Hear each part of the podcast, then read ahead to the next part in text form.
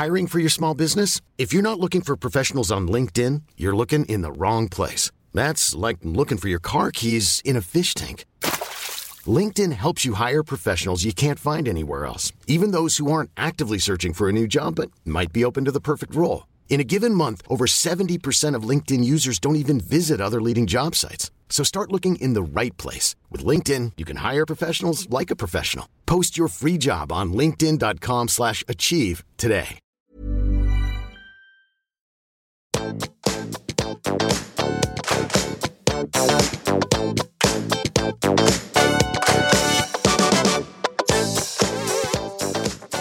alle sammen, og velkommen tilbake til podkasten Karriereveiledning med Elaine. Ukens episode den består av et kjempespennende tema. Hvorfor følge strømmen når spenningen er andre steder? Og ukens gjest det er Magnar Hauge. Han er en skikkelig bra fyr med fem pluss to barn. Han har masse energi og mange interessante perspektiver på livet og på karrierevalg.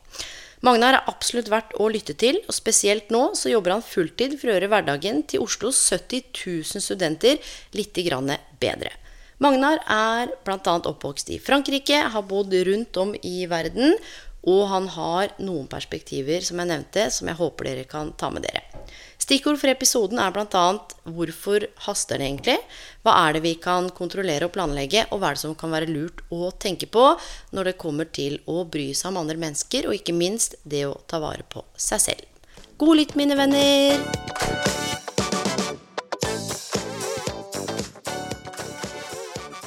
Hei, alle sammen! Ukens episode består av en enormt spennende og fascinerende gjest. Magnar Hauge, er du på linja? Jeg er her, dere. Det gleder meg. Magnar, takk for at du har tatt deg tid til å stille opp. Vi skal starte med å gjøre et lite karriereportrett av deg, sånn at folk blir litt bedre kjent med deg. Og så skal du snakke om noe som er veldig viktig, og vi har liksom kalt overskriften på det du skal bi deg ut på. Ikke følg strømmen, spenningen er andre steder. Et lite ordspill der, altså. Vi starter, eh, starter høyt. Vi starter høyt, men vi starter også høyt ut fordi Magnar, husker du hva du ville bli når du var liten? Ja, eh, jeg skulle bli superhelt. Jaha. Eh, jeg vokste delvis opp i Japan eh, med Power Rangers og Godzilla. Født i USA, og da får du dette inn med morsmelken. Så jeg skulle definitivt bli en eller annen form for superhelt i mine unge dager. Sånn politi, brannmann og sånn, det er sånn at det var kjedelig. Jeg skulle bli superhelt. Ferdig snakka. Og hvordan fulgte denne drømmen da, eh, om, om, å bli superhelt? Når er det den enten slo sprekker, eller når du kjente at du tenkte kanskje at eh, du skulle finne en annen retning? Eh, det er jo sånn at når man er små og har store drømmer, så, så er det på et eller annet tidspunkt så, så, så må man jo realitetsorienteres. Eh, og det er kjempeenkelt i mitt tilfelle når jeg gikk på fransk skole eh, og hadde en far som var historiker, en mor som var økonom. Eh, de var ikke like støttende på den superheltdrømmen. Så på et eller annet sted på ungdomsskolen så tror jeg kanskje jeg innså at, at jeg kanskje måtte endre litt kurs. Mm. Og du er jo ikke alene om det. Og samtidig så er det jo sånn, akkurat som du beskriver, at det derre å, å, å, fyre opp under disse drømmene og samtidig realitetsorientere, det er mange måter å gjøre det på. Men når det da ble mer en sånn realitetsorientering, opplevde du eh, støtte fra foreldrene dine eller de rundt? Var det noen som på en måte kom med noen alternativer til hva du skulle eller burde eller måtte gjøre når du ikke kunne bli superhelt? Eh, egentlig ikke. Eh, det som er fascinerende med det franske skolevesenet, er jo at man eh, veldig tidlig ut ifra evner i matematikk og fysikk settes inn på et eller annet nivå. For matte og fysikk, de som, de som kan det, det er de smarte i Frankrike. Så per def så var ikke jeg smart nok til å bli verken matematiker eller fysiker. Det er egentlig veldig fint, for det høres jo dritkjedelig ut.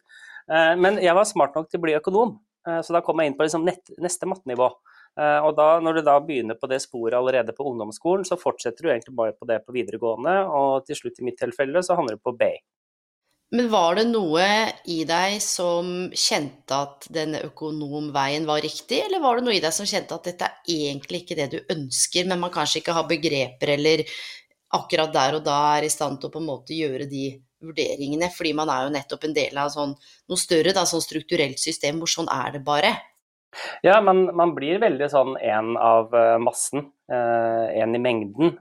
Og et sånt system gir jo ikke akkurat rom for at man skal velge alternativt.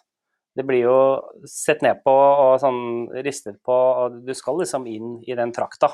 Og så skal du ut på andre siden, og da skal du ha blitt et eller annet. Um, jeg, jeg, var nok ikke moden nok eller reflektert nok eller tøff nok, kall det hva du vil, når jeg var 16, 17, 18, 19, til å ta et skritt til siden og se på meg selv og tenke er det egentlig dette her jeg er skrudd sammen for? Uh, jeg var ikke det. Og så var det jo ikke noe karriereveiledning på den tiden heller. Nei, det Nei. var det ikke. Nei. Så da fortsatte du, og så gikk du på fransk skole videregående også, eller? Ja, stemmer. Så jeg har en fransk eh, eh eksamen artium. Prater du fransk, eller? jeg gjør det. Je m'appelle Elaine. Det gjør du. Ja. Nå trodde jeg du skulle liksom fyre tilbake med en glose, da. Ah ja. Tu t'appelles Elaine. Oui, oui, hablo español. Ok, da går vi videre. Um, Flytta du tilbake til Norge etter videregående? Ja, det gjorde jeg. Uh, Flytta tilbake til eh, Oslo. Mm. Og, og så gikk jeg først uh, faktisk et år Eller det er litt tull, da. Jeg, jeg begynte på Universitetet i Oslo. Mm. Uh, og det er jo en sånn Hvis du kommer dit en høstdag og har valgt bort fadderuka fordi du ikke drikker For jeg drev bare med idrett og alt mulig sånn den gangen, så jeg drakk jo ikke alkohol Jeg vokste opp i et kristent hjem, og mor og far smakte litt på vin i Frankrike, så jeg hadde ikke noe forhold til alkohol. Hadde ikke fått med meg den der ungdomsfestingen i Norge osv. Så, videre, og så, videre. Eh, så jeg var helt sånn der alkoholnoob, null interesse for det. Eh, droppet fadderuka. Tenkte at jeg er jo en sånn relativt foroverlent ekstrovert person, finner meg sikkert noen venner. Nei, du gjør ikke det. Du sitter Nei. Eh, på X-Fill sammen med flere hundre andre mennesker. ting er på latin, det er huleligningen. Det er litt sånn, sånn OK, er dette høyere utdanning? Uh, og så var jeg ikke på så mange forelesninger, jeg må innrømme det. Mm. Uh, for det var mye morsommere å egentlig bare fortsette sommerjobben og jobbe fulltid med det på Bladsentralen. Og pakke blader til alle kiosker og butikker i det ganske land. For da fikk jeg kjøpt meg motorsykkel, det er gøy når du er 19. Um, og så fikk jeg en sånn følelse sånn ut på vårparten at crap, jeg kan jo liksom med mine akademiske foreldre egentlig ikke kaste bort et helt år.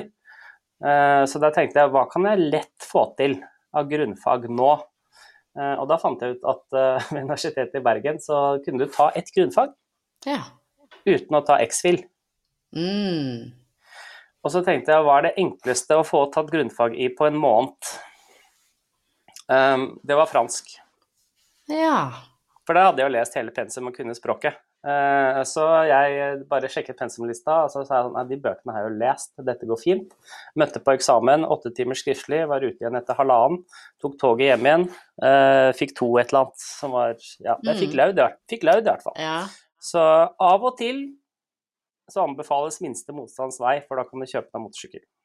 Ja, og vet du hva, jeg tenker at eh, sant, Vi kan jo tulle litt med det, men, men, det kan være noe i det også. Og jeg tror at mange sitter jo og sliter og lider seg gjennom ting.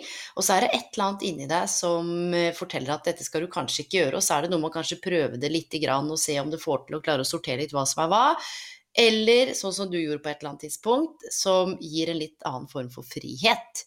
Det betyr ikke at alle eh, syns X-Full X-Fac er vanskelig, eller at ingen finner seg noen å bli kjent på på universitetet. Men jeg skal også fortelle deg at jeg studerte jo pedagogikk på Universitetet i Oslo, og blei jo selvfølgelig da så møtt av X-Fill og X-Fac. eh, og tok det sånn semiseriøst, eh, og skjønte at dette her Nå syns jeg det er spennende. Akkurat da var det litt mer sånn Oi, Jaha, dette her eh, så jeg ikke helt nytteverdi Så jeg var heller ikke moden nok for å helt forstå nytteverdien, tror jeg. Ja. Eh, og da jeg, kom jo gjennom, eh, og så var det jo pedagogikken på en måte som, eh, som jeg syntes var spennende. Men det er noe med at noen ganger så er det ting som er kjedelig, og noen ganger så kan man ta noen grep sånn som du gjorde. Så du ja. valgte minste motstands vei, fikk deg motorsykkel, og hva skjedde da? Nei, jeg krasja jo tre ganger i løpet av det første året, så jeg la det, det på hylla. Uh, og venta 25 år med å kjøpe en til. Um, og derfor sitter jeg her i dag. Mm, mm. Gikk du Fordi du nevnte et eller annet om BI, så ja. hva gjorde du i mellomtiden da? Nei, altså jeg, jo, jeg dro jo på vårparten til Bergen og, og avla eksamen i fransk grunnfag. Og så jobbet jeg bare videre fram til skolestart på BI. Men da bodde jo mor og far fortsatt i Frankrike, så det var mye morsommere å være i Paris på sommerferien enn i Oslo. Så jeg dro dit og valgte igjen bort to uker med fadderuke, for jeg var ikke så interessert i fyll og moro. Og tenkte igjen så jeg hadde ikke lært noen ting på et år på det sosiale. At jeg kan jo bare møte opp dag én på skolen, og så får jeg meg 300 nye venner blant disse andre siviløkonomene. det gjorde jeg ikke. Så jeg var jo litt han der som prøvde å, å trykke seg inn i sirkelen, og som var et hode lavere enn de andre. Jeg hadde på meg feil klær. Dette var når BI lå i Bærum. Jeg kunne jo ikke kodene. Så jeg var litt, der, litt irriterende som ingen kjente og lurte på hvorfor trekker du Vi har det bra uten deg, vi trenger ikke deg. Så det endte jo faktisk opp med at jeg holdt på å droppe ut av hele BI, for jeg fikk jo ingen venner. Uh, og den sosiale integreringen er jo dødsviktig hvis du skal kunne trives på studiet. Så jeg ble jo litt han derre kule, ensomme ulven som kom noen minutter for sent til hver forelesning og gikk ut sånn litt før for at ikke folk skulle se at jeg var aleine. Eh, satt ute og spiste matpakka, for det er så deilig med frisk luft. Eh, og tok på meg en sånn der eh, Iceman-maske, litt sånn mystisk. Jeg klarer meg fint alene. Mens jeg inni var et fullstendig kaos og virvar av Jeg klarer ikke fire år uten venner. Det går jo ikke. Eh, heldigvis så eh, bød det seg en anledning med et ledig lokale i kjelleren på BDR, eh, hvor det var et dårlig trimrom så det var et par andre som syntes det var dårlig. Eh, så da begynte vi å herje rundt og få tak i utstyr og skaffe litt midler fra BI, og bygde rett og slett et uh, nytt treningsrom i kjelleren. Uh, og der fant jeg venner. Så heldigvis. Ellers er jeg helt sikkert at jeg hadde droppa ut før det første året var ferdig. Mm. Um, så alle de som har hatt det litt tøft, eller har det tøft i starten av et studie nå, herlighet, folkens. Det, den følelsen der, den er dritvond, og den kjenner jeg fortsatt i magen når jeg tenker på den. Ja, så tenker jeg det er så viktig at du tar det opp også, fordi man snakker om fadderuka, man snakker om nettverk, man snakker om alle disse tingene. Og én ting er kanskje interessen for faget eller ikke, eh, men så er jo også studiet består av så mye mer. Og den følelsen man kanskje hadde på ungdomsskolen spesielt, da, med sant, identitet og skulle passe inn, og så kjenner man igjen på det selv om man på en måte har bikka 20. Ja, ja. At det er noe som ligger i oss der, å ha den tilhørigheten. Og så, jeg er litt skrudd sammen sånn at jeg klarer ikke fatte og begripe at ikke man kan være oppmerksom på å invitere og inkludere andre inn. Er det så jævlig vanskelig? Nei, altså ja og nei. Altså vi, vi er jo litt introverte oss selv nok her i Norge. Um, uvisst hvorfor. Ja, men så er man kanskje fornøyd da når man har funnet en gruppe, så er det sånn ja, dette er oss, og nå trenger vi ikke noen andre. Og, og bare det hvis du ser noen som går aleine, altså, du vet bare det å, Hei, hvordan går det med deg? Skal du Det er på disse bitte små tingene som kan utgjøre så enorme forskjeller at man klarer å se litt dette. Jeg kjenner at jeg blir fyrt opp nå, for dette er en ting som er sånn hjerte, Ja, men ser du det? Vi ser jo hverandre nå. Jeg kjenner at det, er oppå, det brenner innvendig, for dette her er en eller annen form for ekskludering også skaper noe sånn utenforskap. Og så er det jo Ja, man kan bidra med masse sjøl, og man kan gjøre så godt man kan, men det er fader ikke bare bare at dette skal hvile på ett individs skuldre bestandig. Mm.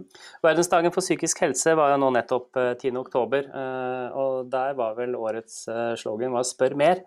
Um, og jeg, I løpet av de seks månedene før jeg liksom følte at jeg fikk meg noen venner, så jeg kunne begynne å se fram til å, å, å gå på BI, så var det ingen som spurte meg om noe som helst når det var fri. Um, og det var ikke på mangel at jeg prøvde liksom å trykke mm. meg på og sette meg ned med folk og, og fremmede. Og sånn. det, er, det, er, ekkelt. Det var sånn Hei, er du ledig her? Ja, ja, sett deg ned. Og så sitter folk der og ser på hverandre og sånn Hva faen gjør han her egentlig? Mm, og det kjenner man. Det, man trenger jo ikke ord for det. Nei. Man kjenner jo de gangene man har gått inn i et rom hvor man ikke skal være, eller du avbryter et eller annet. Eller, og, og vi mennesker vi er jo også trent på å plukke opp disse små og store tingene. Så det du beskriver der som du løfter fram, tror jeg, jeg tror det er så sinnssykt mange som kjenner på det. Så her er faktisk ukas oppfordring. altså Hvis du går på skole ja. eller er på arbeidsplassen og du, du veit at det er noen som er litt grann ut, altså Noen vil jo kanskje være litt sånn på utsiden på eget valg, og det er helt greit, men ta deg bryet med og, å si hei, hvordan går det, har du lyst til å spise med oss i dag? Et eller annet, da. Ja, og hvis du syns det er kleint sjæl, altså min inderlige bønn som, til deg som medmenneske er rett og slett lag deg fem åpne spørsmål som du alltid har med deg i lomma. Og hvis du ser en Viggo eller Vigga eh, venneløs som sitter i kantina, og så har du sett han eller henne over en viss tid aldri sitte sammen med noen, Vær, sånn, vær et medmenneske. altså Sett deg ned og så bruk ti minutter, et kvarter av livet ditt på noe som kanskje det redder studietilværelsen eh, og framtiden til det mennesket. Det koster så lite, altså. Finn fem åpne spørsmål som uh, ikke er ja og nei, sånn at uh, du, liksom, du, får i gang en dialog. Selv om de syns det er rart og, og merkelig også. Uh, det kan være rett og slett det beste det gjør for det mm. mennesket, at du så de. Ja, og jeg tenker sånn, eh, moren min hun jobba jo i, i Nav i, i, 50 år og starta liksom å dele ut penger i trygdekassa, ikke sant. Og den jobben der var jo ikke bare å dele ut penger. Jeg husker jeg spurte mamma for mange år siden hvorfor gjorde du det, eller hvorfor valgte du, så sa hun vet du hva, jeg tenkte sånn her, tenk hvis det var meg. Mm. Som var utafor eller ikke hadde jobb, eller liksom på den tida så var det litt, litt annen innsynsrett i egne dokumenter. Det var en helt annen greie da. Hun sa det da skulle ønske at noen hadde møtt meg med verdighet og respekt og hadde tid til å slå an, prate og bry seg. Og det, vet du, det har aldri sluppet hjertet mitt. Hver gang så tenker jeg sånn Ja, hvis det var meg. Hva er det jeg skulle ønske at noen hadde gjort? Men så er det jo sånn at det er ikke alltid på seg selv at man kjenner andre. Men da har du kanskje i hvert fall tatt en prat med vedkommende i kantina, så merker man jo kanskje kjapt også om dette er noe som er innafor eller ikke. Men da har man i hvert fall prøvd, da. Mm. Det tenker jeg. Men da i hvert fall fikk du rigga opp det treningsrommet, og du fant deg noe polare, og så gjorde du ferdig BI. Ja. Og så, Magnar, que passa? Hva skjedde da? da hadde jeg utsatt militærtjenesten eh, i, eh, i, to år, vel. Fordi hva, er må... holder, hva, er det du holder på med nå, for nå hører jeg en sånn rar lyd? Ja, det, jeg må ha strøm på denne Mac-en, ellers så blir det en veldig kort pod. Ja. Eh, husk at uforutsette ting skjer hele tiden. Ja. Dette er et godt eksempel på det. Jo, så jeg hadde utsatt det, for jeg jo, bodde jo i Frankrike når jeg var på sesjon. Mm. Eller skulle jeg vært på sesjon, så da ble jeg jo kalt inn etter andre året på BI. Eh, da hadde jeg sånn endelig fått meg noen venner, så jeg var sånn nei, jeg tør ikke det. Eh, så da søkte jeg om å utsette det, og det gjorde jeg jo, fikk lov. Eh, så da dro jeg rett og slett til militæret. Og så var jeg heldig, og igjen så kom fransken godt med. Og sikkert også at jeg tok lappen i Paris, for da endte jeg opp som sjåfør for en norsk admiral ved Nato-hovedkvarteret i Brussel. Så hvis det blir krig, så er jeg veldig god på å kjøre BMW fort. Du, nice to know. Det er notert. Og etter militæret, da? Sånn, hvis vi spoler litt fremover? Eh, nei, da hadde jo det hadde vært EU-avstemning eh, e i Norge. Og da var jo halvparten av mine landsmenn ikke interessert i å være del av det globale samfunn. Og da tenkte jeg at der kan ikke jeg leve. Ja. Eh, så da tok jeg eh, tenkte sånn OK, hva er gøy? Jo, markedsføring. Eh, og å stå på ski. Eh, kan, kan, vi kombinere det til en jobb? Eh, og det kan man jo hvis man jobber i markedsavdelingen i et fransk skiselskap eller skiprodusent. Så jeg bestemte meg rett og slett for å ringe alle de markedsavdelingene og si at hei, dere trenger meg, kan jeg komme på besøk? Så tar vi et intervju, og så finner vi ut hva jeg skal gjøre. Av en eller annen grunn så takket jo de, de fleste franske skiprodusenter ja til det. Så jeg hoppa i poloen min. Jeg dundra gjennom Europa fra sånn liten alpelandsby til liten alpelandsby, og så skjønte jeg egentlig at dette her var ikke noen god strategi likevel. Fordi snowboardene hadde jo kommet for noen år siden og drept hele det tradisjonelle skimarkedet. Skimarkedet hadde ikke skjønt eller funnet opp carvingski ennå, så alle var jo på konkursens rand. Så de var høflige, tok meg imot, var franske til fingerspissene. Jeg hadde masse energi og drev og dirra skulle liksom redde skiverden. Fikk ikke jobb. Så det var ikke sjans i havet. Men det var veldig gøy, da. Eh, og det som da skjedde, var at eh, jeg kom på, eh, eller ble minnet på, at jeg sannsynligvis var amerikansk statsborger. Jeg trodde de hadde forsvunnet når jeg var 18, for jeg hadde ikke gjort noe med det. Så jeg ringte franske ambassaden i Brussel, hvor jeg hadde base, og så sa jeg du, jeg har et gammelt pass. Hvordan får jeg meg et nytt? Og så sa de jo, da må du ta med deg det gamle passet, du må ta med deg fødselsattesten din, 50 dollar og et passfoto og så komme innom, så skal vi ordne det. Så jeg gjorde det neste dag, og så gikk jeg ut med et afrikansk pass i hånda. og var sånn OK, dette er weird, ass. Dette er, eh, for jeg følte meg ikke amerikansk på en flekk. Men da hadde jeg plutselig inngangsbillett til USA. Kjøpte meg en sånn 45 eh, dagers uh, tur-retur-billett så tenkte at nå skal jeg stå mye på ski. Um, og hvis jeg ikke får meg jobb, så drar jeg hjem igjen, og da begynner jeg på nytt med å finne sånn plan B eller C eller D, eller hvor vi var da i, uh, i Europa. Så jeg dro til Seattle Der kjente jeg heller ingen. Ble kjent med noen folk. De drev en skiskole, så det passa bra. Så da ble dealen at jeg ble med de opp og snekra på hytta deres lørdag og fikk stå gratis på søndag. Og så etter to uker så fikk jeg meg jobb med å selge livsforsikring på telefon til amerikanere som ikke vil snakke om døden. Um, så da ble jeg i fem år. Ja. Wow. Ja. Det, det, var, det var jo ikke planlagt. Nei, definitivt ikke. Uh, men ja det, That's life, my friend. Det, livet skjer. Uh, så det var den Der lærte jeg meg salg. Det kunne jeg jo ikke, det lærer man jo ikke på noen skole. Um, jeg kunne jo økonomi, men det hjelper jo ikke når det egentlig handler om å selge ting. Så jeg lærte meg salg. som min sjef Ted sa, når jeg sa hva er det, er det 100% provisjon? Så han ja, det er egentlig feilstavet, det mangler deg 100% motivasjon. Og det stemte jo. Ehm, så jeg ble veldig tynn det første året. Og så ble jeg litt mer lubben det andre året, for da gikk det jo mye bedre. Hadde lært litt. Ehm, så det ble to år med å selge, sette seg ned i amerikanske hjem etter å ha cold called rundt omkring eller på referanser. Snakke med de om eh, livsforsikring, om pensjon, om hva skjer med huset og dine barns college-planer hvis du dør i dag. Eh, så der det kommer ganske tett på den amerikanske hverdagen og virkeligheten og de tingene som man kanskje ikke har lyst til å tenke på, fordi det går jo bra. Wow. Ok. Så du var der i fem år, og så kommer du tilbake til Norge, da? Ja. Da hadde jeg i mellomtiden jobba tre år med å åpne nye treningssentre i California. Mm. Eh, så da kom jeg tilbake til eh, Norge. litt sånn, Da hadde jeg plukket med meg en amerikansk jente og laget en unge. Så da var jeg plutselig blitt tre. Um, og to par ski, tror jeg. Ja, så fem, da.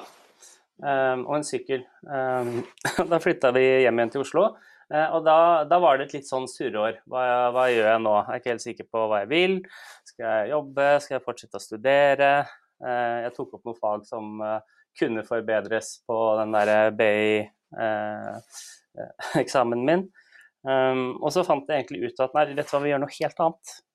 Um, og da, på det tidspunktet, når vi tok dette valget, så var den minste byen jeg hadde bodd i, Oslo.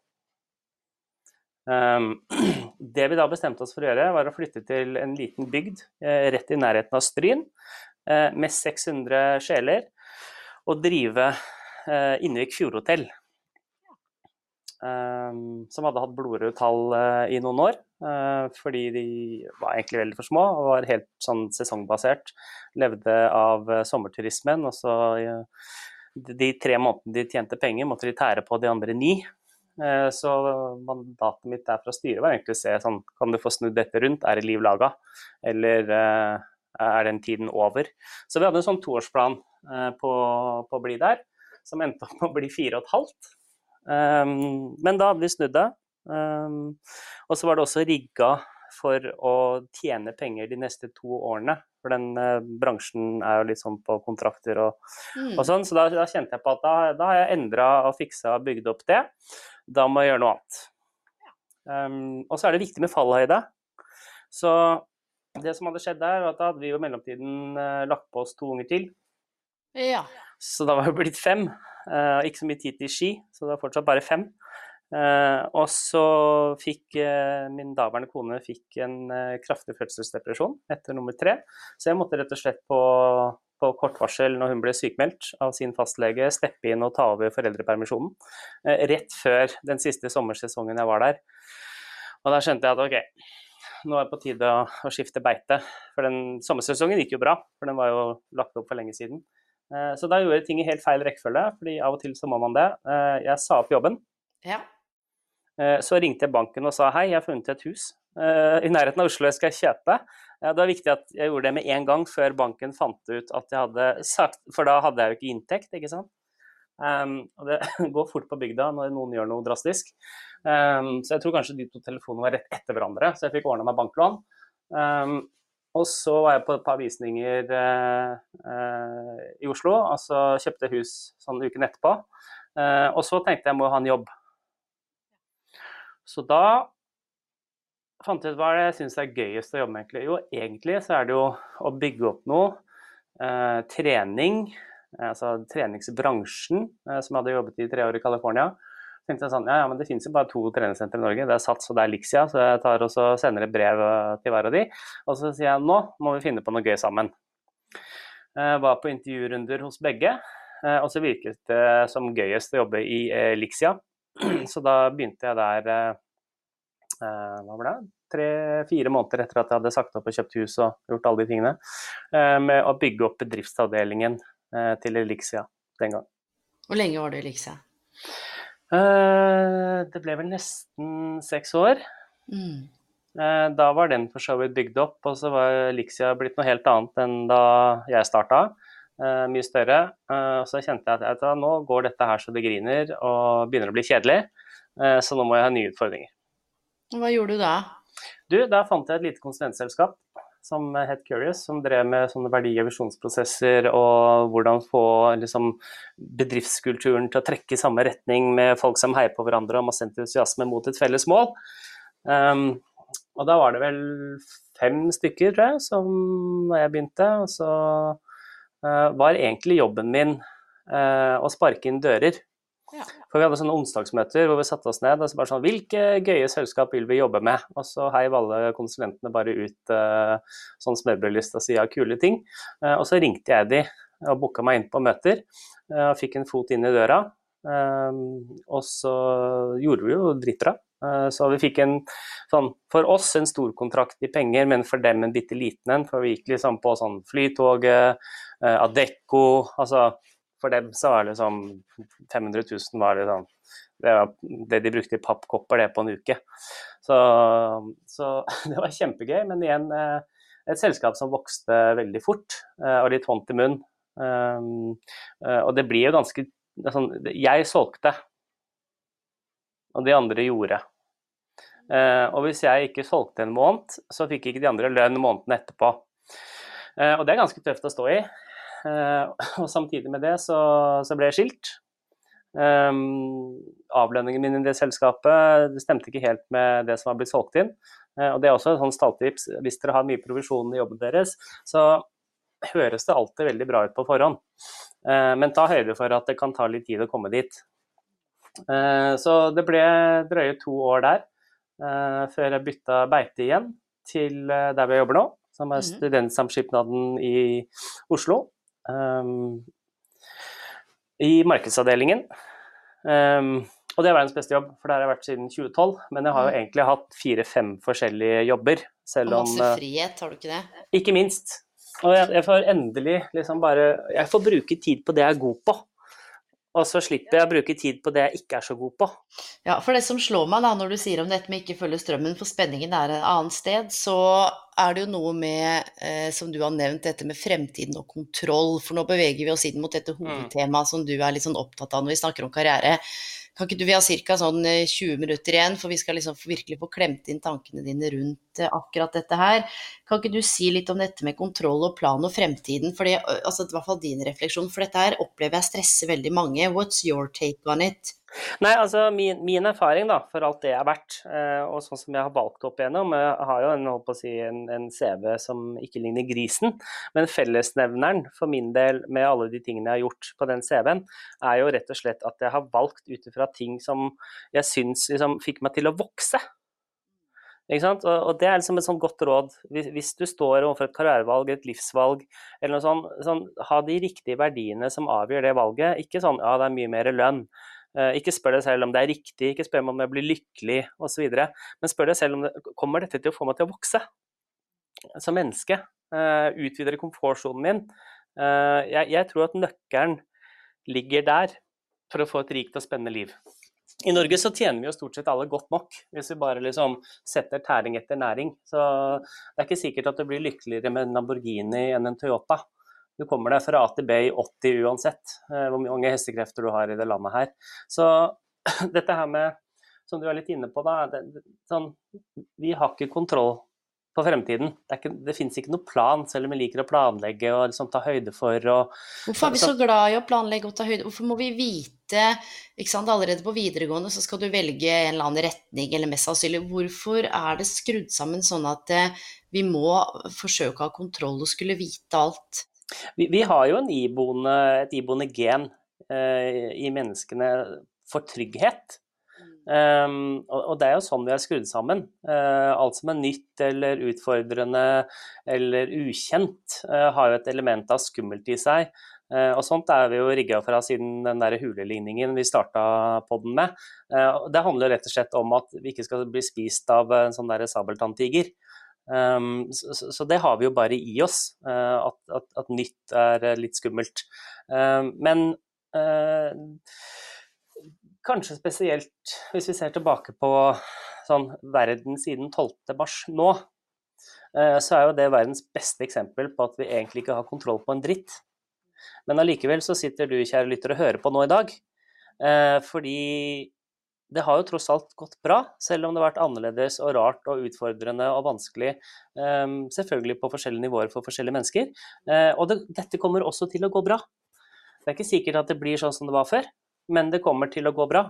Eh, og det, det som er liksom lærdommen, eh, som er kanskje ekstrem da, når man står i en pandemi, er det at det fins jo ikke noen garantier. Eh, sånn, branner oppstår, du må justere kurs.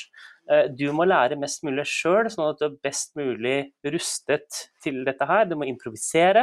Alle, alle, improviserer uansett. Hvis du ser noen rundt deg som later som de har kontroll, så er de bare jækla flinke til å holde maska. Det er mm. ingen som har kontroll. Alle skjønner det straks de får barn. Altså, ja, og det er noe med å innse det og akseptere det, tror jeg. Livet mitt, jeg, det har ikke blitt sånn som jeg hadde tenkt det skulle bli. Eh, og, og så, men jeg har bestemt meg for å verken label it bad or good. Altså det er det det er. Og så tenker jeg heller sånn Jeg er akkurat der jeg skal være, jeg nå. Mm. Og så kan jeg ha drømmer og håp og ønsker og visjoner, og så er det akkurat noe med det, og det snakker jeg eller tenker jeg mye om i karriereveiledning òg. Dette med å skape det rommet for å improvisere i møte med andre mennesker. Altså ikke ha masse strukturer og modeller og ja, en eller annen sånn trakt som jeg skal presse folk inn i fordi jeg tror det er lurt å snakke om mm. dette her, men heller rett og slett ja, se hva som skjer, da. Mm. Altså, vi har ikke kontroll på noe. Det eneste vi har kontroll på, det er hvordan du reagerer på ting, eller agerer på ting. Altså, det kommer til å skje tusen ting, millioner av ting, mellom nå og vi skal reise videre, eh, som du ikke har sjans til å forutse eller påvirke på forhånd. Eh, og din jobb som individ er jo rett og slett å være best mulig rustet for din egen del og de rundt deg som du er glad i, til å kunne liksom OK, nå skjedde det. Hvordan, hvordan løser jeg det? Eller hvordan utnytter jeg dette? Sånn, hvordan kan dette bygge meg opp? Eh, det er liksom det er, det er, sånn det er. Sånn er livet. Mm. Og det her får meg til å tenke litt, fordi andre steder i verden, da, jeg har jo reist en del, og det har jo du òg, så er det jo sånn at jeg bare ser på pandemien f.eks. Eh, det er relativt greit styrt land, ting fungerer, og man hører jo stort sett på politikerne. og Det er litt mer ryddig forhold her enn andre steder, så en del andre mennesker en del andre land med helt andre forutsetninger har ikke noe annet valg, de, enn å improvisere. Og noen vet jo ikke hva de skal spise i morgen, vet ikke om de har nok mat i morgen, vet ikke om barna sine kan få muligheten til å gå på skole fordi det går ikke noe buss eller ikke sant. Det, det, er, jo, det er, jo, en helt annen verden der ute. Og det, det har jeg begynt å tenke på mer og mer og mer, og det har gitt meg en, en sånn enorm ro. Um, akkurat det du sier, at jeg har egentlig ikke så himla mye kontroll.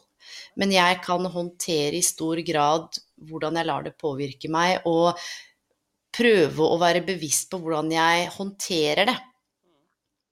Det er jo litt av nøkkelen, sånn som du sier, når man står overfor karrierevalg eller utdanningsvalg, sånn som du beskrev, som egentlig ikke var noen ting for deg, eller Eh, og litt sånn som du sa i forhold til at det ikke var noe særlig venner å få i begynnelsen. For det, det, er jo ikke så lett å forholde seg til det. Og det er heller ikke så lett bestandig å forholde seg til at man har valgt feil studie eller gå gjennom en skilsmisse eller Det betyr jo ikke ting er enkelt, for at dette her kan jo være enkelt for oss å si og snakke om, men det er ofte så stort gap mellom teori og praksis. Mm. Så, og du snakka litt om verdier. Hva er det du har styrt etter i, i, i, livet ditt da, som gjør at du har kommet fram til akkurat det du sa nå? Um, jeg, jeg, jeg, tror jeg har vært litt heldig, fordi Jeg har alltid syntes at nye ting er spennende. Eh, det kan nok komme av bakgrunnen min, hvor jeg liksom bytta land, skole, kontinent, språk, lukt, kultur, mat hvert tredje til femte år. Eh, da blir man på en måte tvunget til å lære seg å liksom knekke koden på nye ting. Og det betyr ikke at jeg syns det er behagelig nå heller, men jeg syns det er spennende.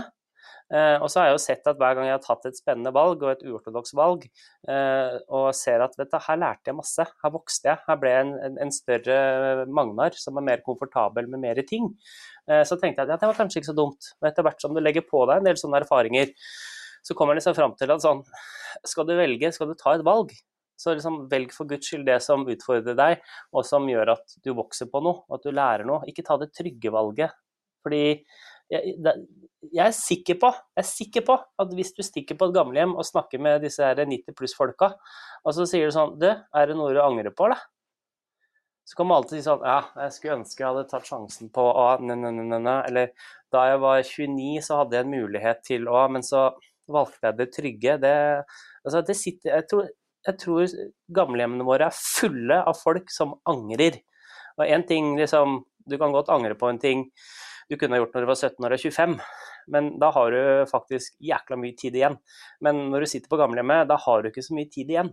Eh, da er det for seint. Sånn, husk at dere skal dø da, folkens. Jeg har jobba med livsforsikring, vi skal alle dø. Gjør det gøy og spennende og voksende i mellomtiden. Så, sånn, så kan du se tilbake på livet ditt og så sånn Ikke angre så mye, da. Nei, og så tror jeg man veit aldri rekkevidden av valgene sine heller, ikke sant. Jeg, jeg, kan tenke meg at det var bra for meg, men så var det ikke det. Og samtidig så er det jo sånn at det er jo ikke alle som liker det usikre, og som nødvendigvis liker det å vokse eller være ute av komfortsonen. Det er jo plass til den halvparten i samfunnet også. Mm. Jeg kan jo, uten å komme inn på detaljer, bare si at jeg, jeg gjorde kanskje mitt aller, aller, aller dårligste valg eh, for eh, Når var det? 11-12 år siden, eh, som fikk enorme konsekvenser for meg og de rundt meg. Eh, og kasta meg inn i kanskje mine to tøffeste år noensinne. Uh, og når jeg sto midt oppi det, så, så, så, kjentes det ikke ut som om det var et, et, klokt valg, eller et valg som ville komme noe positivt ut av.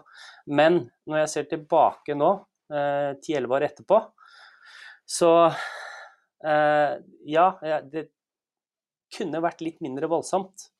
Men læringen eh, og det jeg lærte om meg selv og veksten min eh, og den personen som jeg er blitt, eh, uten den kjempesmellen, har ikke vært i nærheten. Så nå er jeg takknemlig. Mm.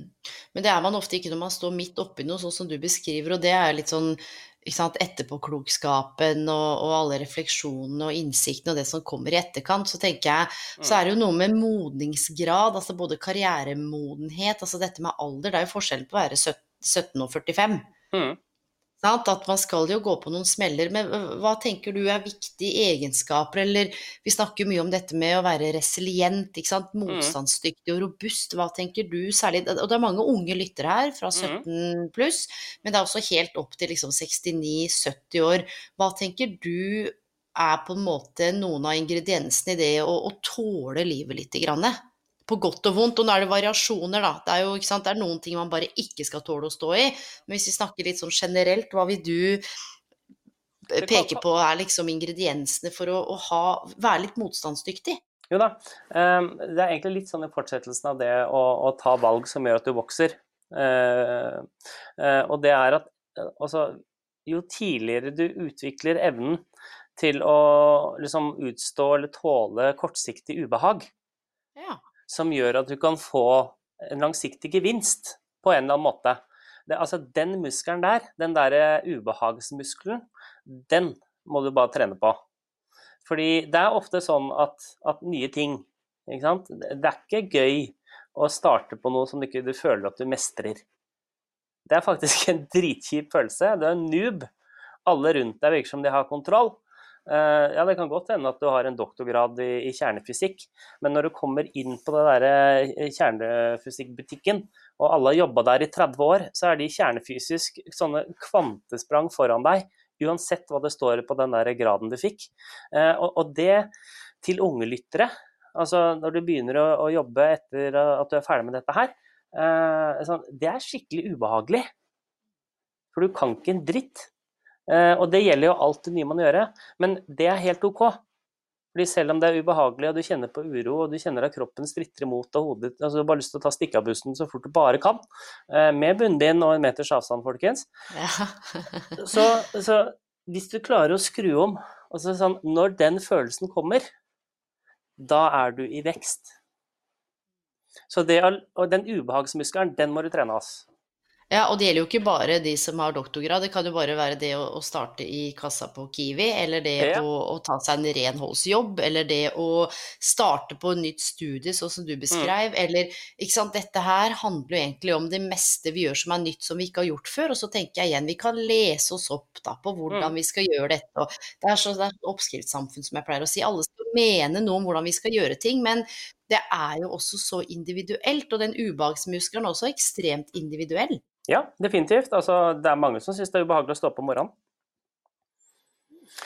Det er ubehagelig for de som syns det. Det er mange som, uh, som syns at liksom, åh, nå må jeg ut og løpe meg en tur eller gå meg en tur. Det er ubehagelig. Det er veldig lett å tenke sånn jeg gjør det i morgen. Men, men, da svekkes ubehagsmuskelen. Den må du styrke. Nei, jeg orker ikke å ridde. Jeg orker ikke å legge det bort nå. Jeg tar det senere. Eh, alle de, alle de, situasjonene hvor du utsetter ting fordi det å gjøre det nå virker som et ork eller ubehagelig eller sånn ah, nei.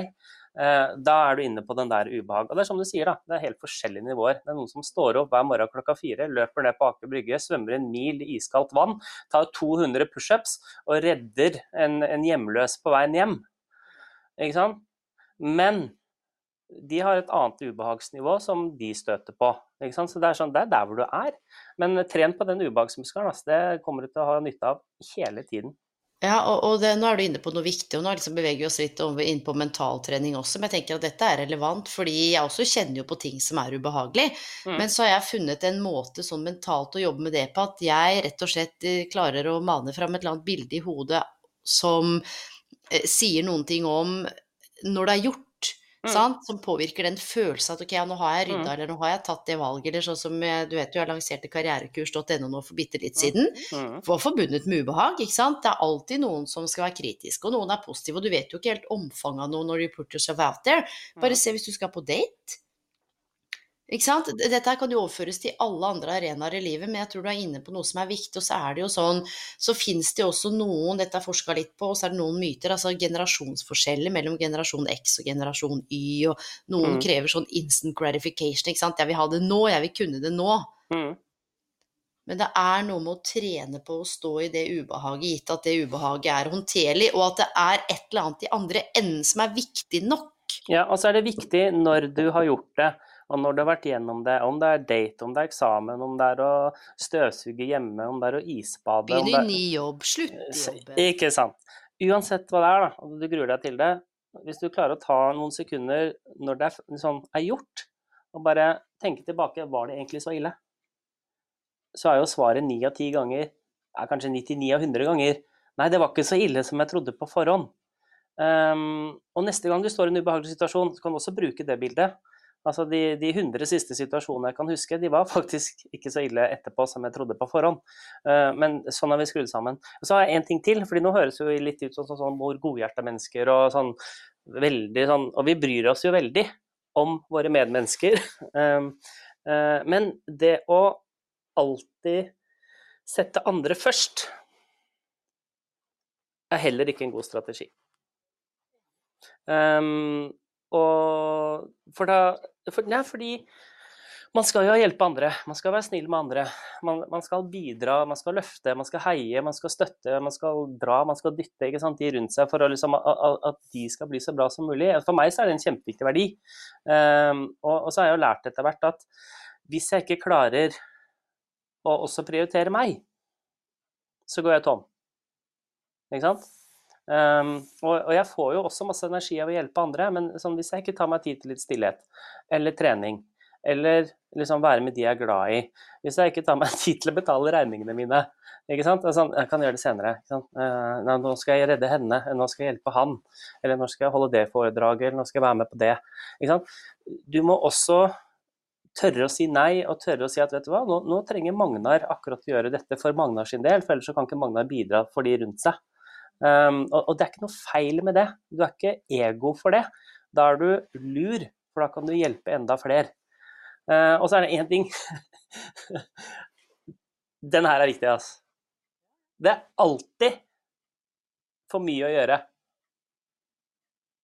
Det er bare å innse med en gang. Du blir ikke ferdig. Det er alltid for mye å gjøre. Uansett, uansett hvor det er i livet. Det er alltid for mye å gjøre.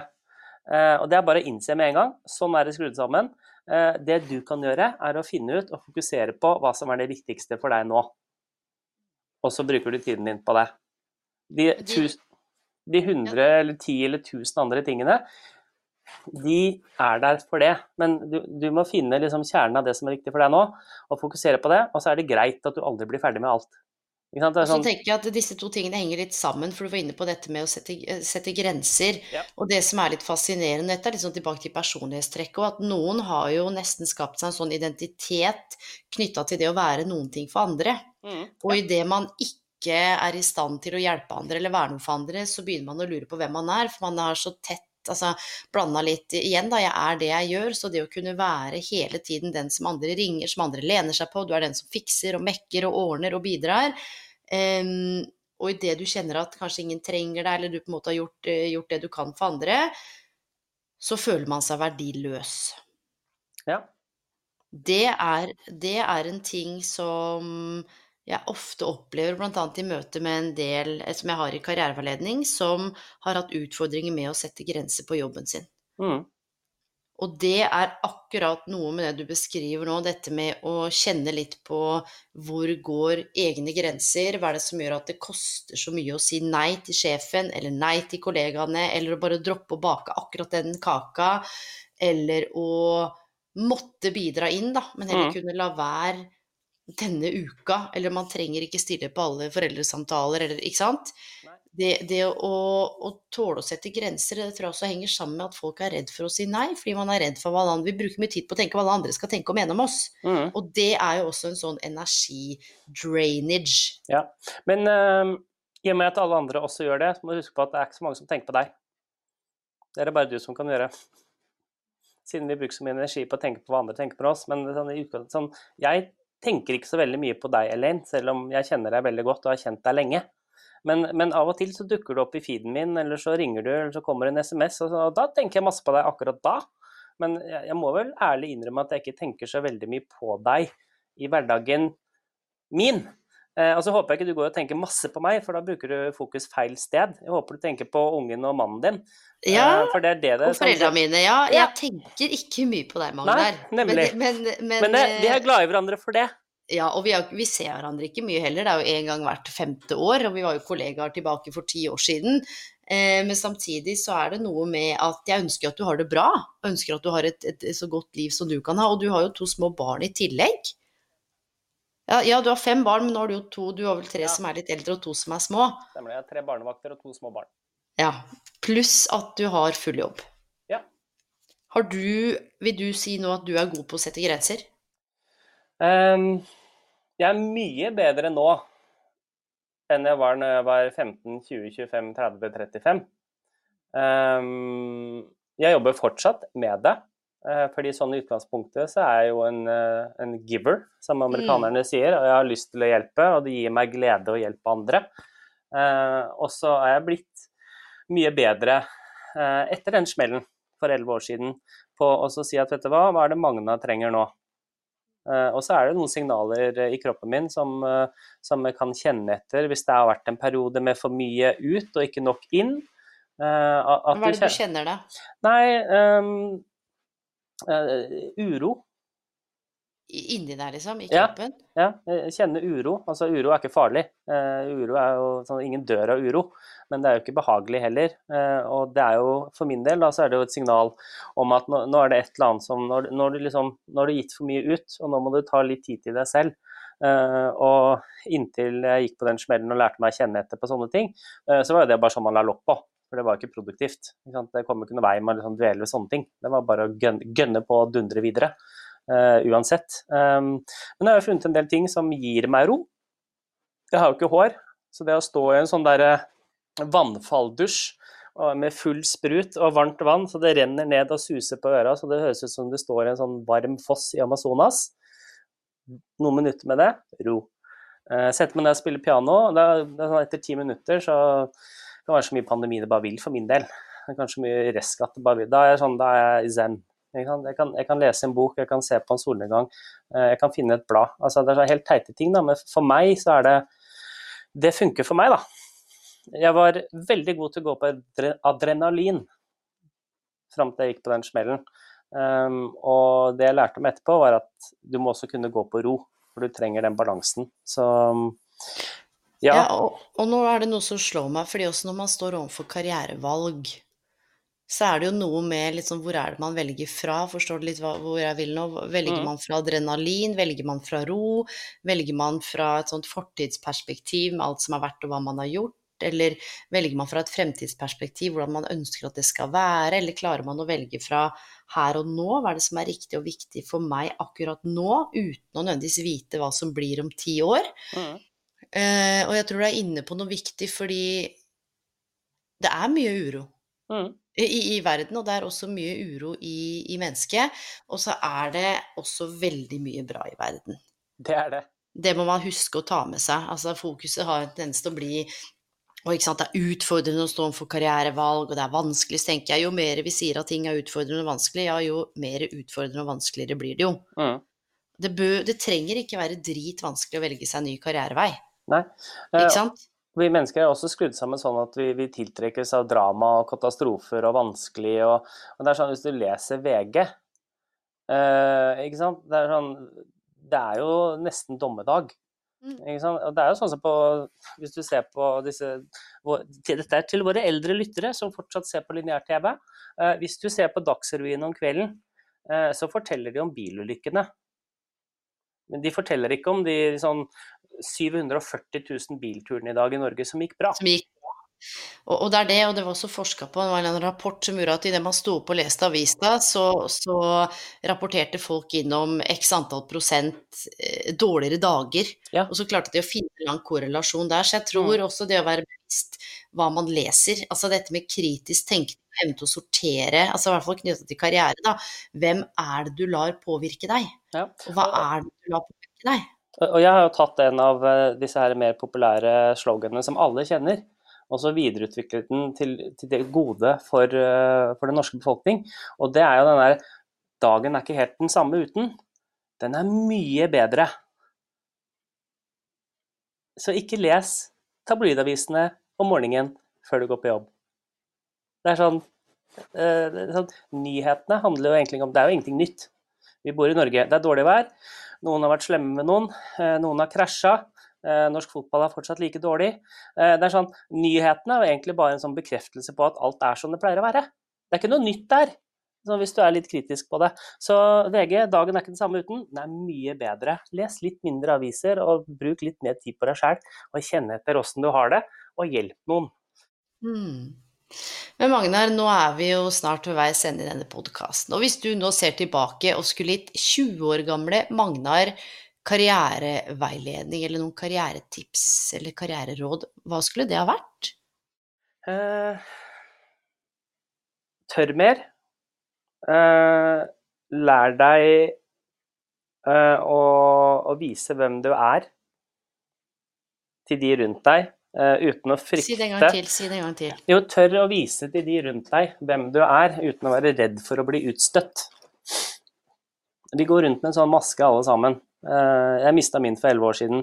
Uh, noen av mine aller, aller, aller beste og nærmeste venner og samtaler og, og, fine stunder har jeg hatt etter at jeg turte å vise at jeg var sårbar og var svak og ikke, tørte, ikke klarte å mestre noe. Dette fikser jeg ikke. Sånn, da kommer det fine mennesker fram, altså. Um, når det gjelder direkte på karriere, så tenker jeg sånn um, Kjenn etter, liksom, hva syns du var gøy på skolen? Sånn, hva, hva, har gitt deg glede, hva gir deg energi av å drive med? Um, var det noen av fagene som, som du syntes var dritgøy, men ikke turte å si høyt fordi alle andre syntes det var teite fag? Ja, kanskje det er faget ditt, da. Kanskje det er det du skal forske litt mer på hva er for noe. Um, jeg har jo en 21-åring sjøl som akkurat begynte å studere nå. Og hun har vært litt sånn Å, skal jeg begynne å studere? Skal jeg begynne å studere det? Skal jeg begynne å studere? Bare sånn, ikke begynn å studere enda. Haster ikke. Du rekker jo fortsatt to bachelor, og en bachelor og en master før du er 30. Det er sånn, Du skal ikke trenge å vite alt når du er 17, 19, 20, 22, 25, 40, 50. Altså, hva skal jeg jobbe med når jeg er 80? Har ikke peiling. Men uh, hvis jeg kjenner litt ubehag når jeg begynner i den jobben, ja, da får den meg til å vokse. Da er jeg på rett vei. Vet du hva, jeg likte veldig godt, og det var noe som festa seg nå. Vet du hva, det haster ikke. Nei, det gjør ikke det. Men det oppleves ofte som om det haster å få barn, og det haster å finne seg en partner, og det haster å få en promotion, og det haster seg for lønnsøkning, og det haster seg på trening. Altså Jeg kan gi to eksempler fra de siste tre månedene. Eh, Jeg treffer jo masse studenter i jobben min. eh, Og vi drev og jobbet i sommer med eh, å digitalisere masse greier, fordi det er korona og ting skjer på nett. Og da traff jeg to fantastisk flotte studenter. Tre, sånn med tre dagers mellomrom, eh, som begge hadde hoppet av psykologiprofesjon på tredjeåret. Eh, og det er dritvanskelig å komme inn på. Du er sånn langt over snittet skoleflink hvis du kommer inn på psykologiprofesjon eh, rett fra videregående. Det hadde begge gjort. Og så hadde de kjent på, etter hvert som de kom utover i studiet og sånn, sånn Dette er valgt på feil grunnlag. Dette er forventningene til de rundt meg. Det er fordi jeg har vært skoleflink, det er fordi det har vært forventet. Eh, så, så hun ene eh, har vridd det over til å jobbe mer med bedriftspsykologi og org og ledelse. Og så bruke grunnlaget fra psykologistudiet til det. Eh, Hun andre har hoppet helt av og spiller fløyte på Musikkhøgskolen. For det er det hun har lyst til. Så sånn, ta dere litt tid. Det haster ikke. Og så er det lov å endre mening underveis.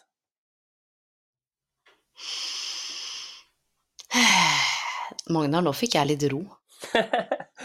Bra. Jeg gjorde det. Det er bra. en viktig påminnelse. Vet du hva, det haster ikke. Haster ikke. Solen står betyr, opp i morgen. Ja, det betyr ikke at man ikke skal få det gjort, men jeg skjønner at noen valg må tas hvis det er søkefrist på, ikke sant, man skal søke på utdanninger, eller det er en sånn søkefrist på en Mm. spesifikk arbeids- eller en jobbstilling du vil ha, eller Men generelt så tror jeg vi stresser oss sjøl mer enn hva som er nødvendig. Gjør det. Så kanskje ukas oppfordring er bry deg litt om de rundt deg, men fyll på sjøl. Og lag deg en liste over haster, haster ikke, viktig, ikke viktig. Mm. Og prioriter det som haster og er viktig, hvis det er liksom kritisk, og så ser man litt hva som er hva. Jepp. Gode og kloke ord fra deg, som alltid, Elen. Og like måte, Magnar, det var en eh, sann fryd å ha deg på podkasten. God greie. Ja, gode greier. Takk for en fin prat, og at vi fikk lov til å bli med på din eh, lille, store karrierereise, som eh, bærer preg av masse spennende og mye fordelaktig, og har vært innom ulike bransjer også. Mm. Det er jo ikke sånn at man er 40 år i en jobb lenger. Nei, Arbeidsmarkedet og samfunnet har jo endra seg, faktisk. faktisk, og det er jo du et godt bevis på. Nå er det en jobb du trives i, og du visste jo ikke for 15 år siden at du skulle være i den jobben du er nå, Aldri i verden. sant? Ikke sjans til å vite det. Magnar, hjertelig takk. Vi ses eller snakkes om ikke så altfor lenge. Ja, du, hvor er det folk kan finne ut av mer om deg? eh, sånn på disse sosiale mediene og sånn. Ja, for eksempel. Nei, altså, jeg er på Snap og Insta, Facebook. Som de fleste. Ja. Ikke så veldig Så aktiv på TikTok, men jeg har det òg. Jeg, du. jeg er ikke noe danser. Nei, du er ikke noe danser, men du er sabla god på å spille piano og lage show, da. Det, det er sant. Magnar, takk for praten. Selv takk. Vi snakkes. Vi ses plutselig. Ha det. Ha det.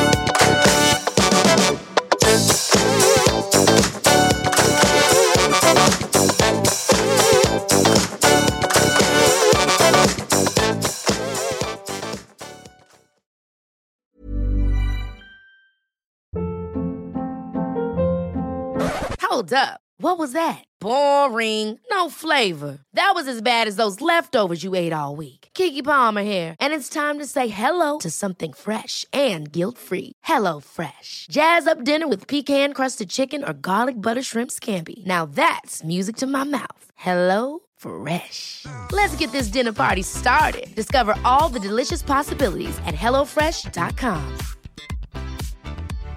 My business used to be weighed down by the complexities of in person payments. Then, Tap to Pay on iPhone and Stripe came along and changed everything.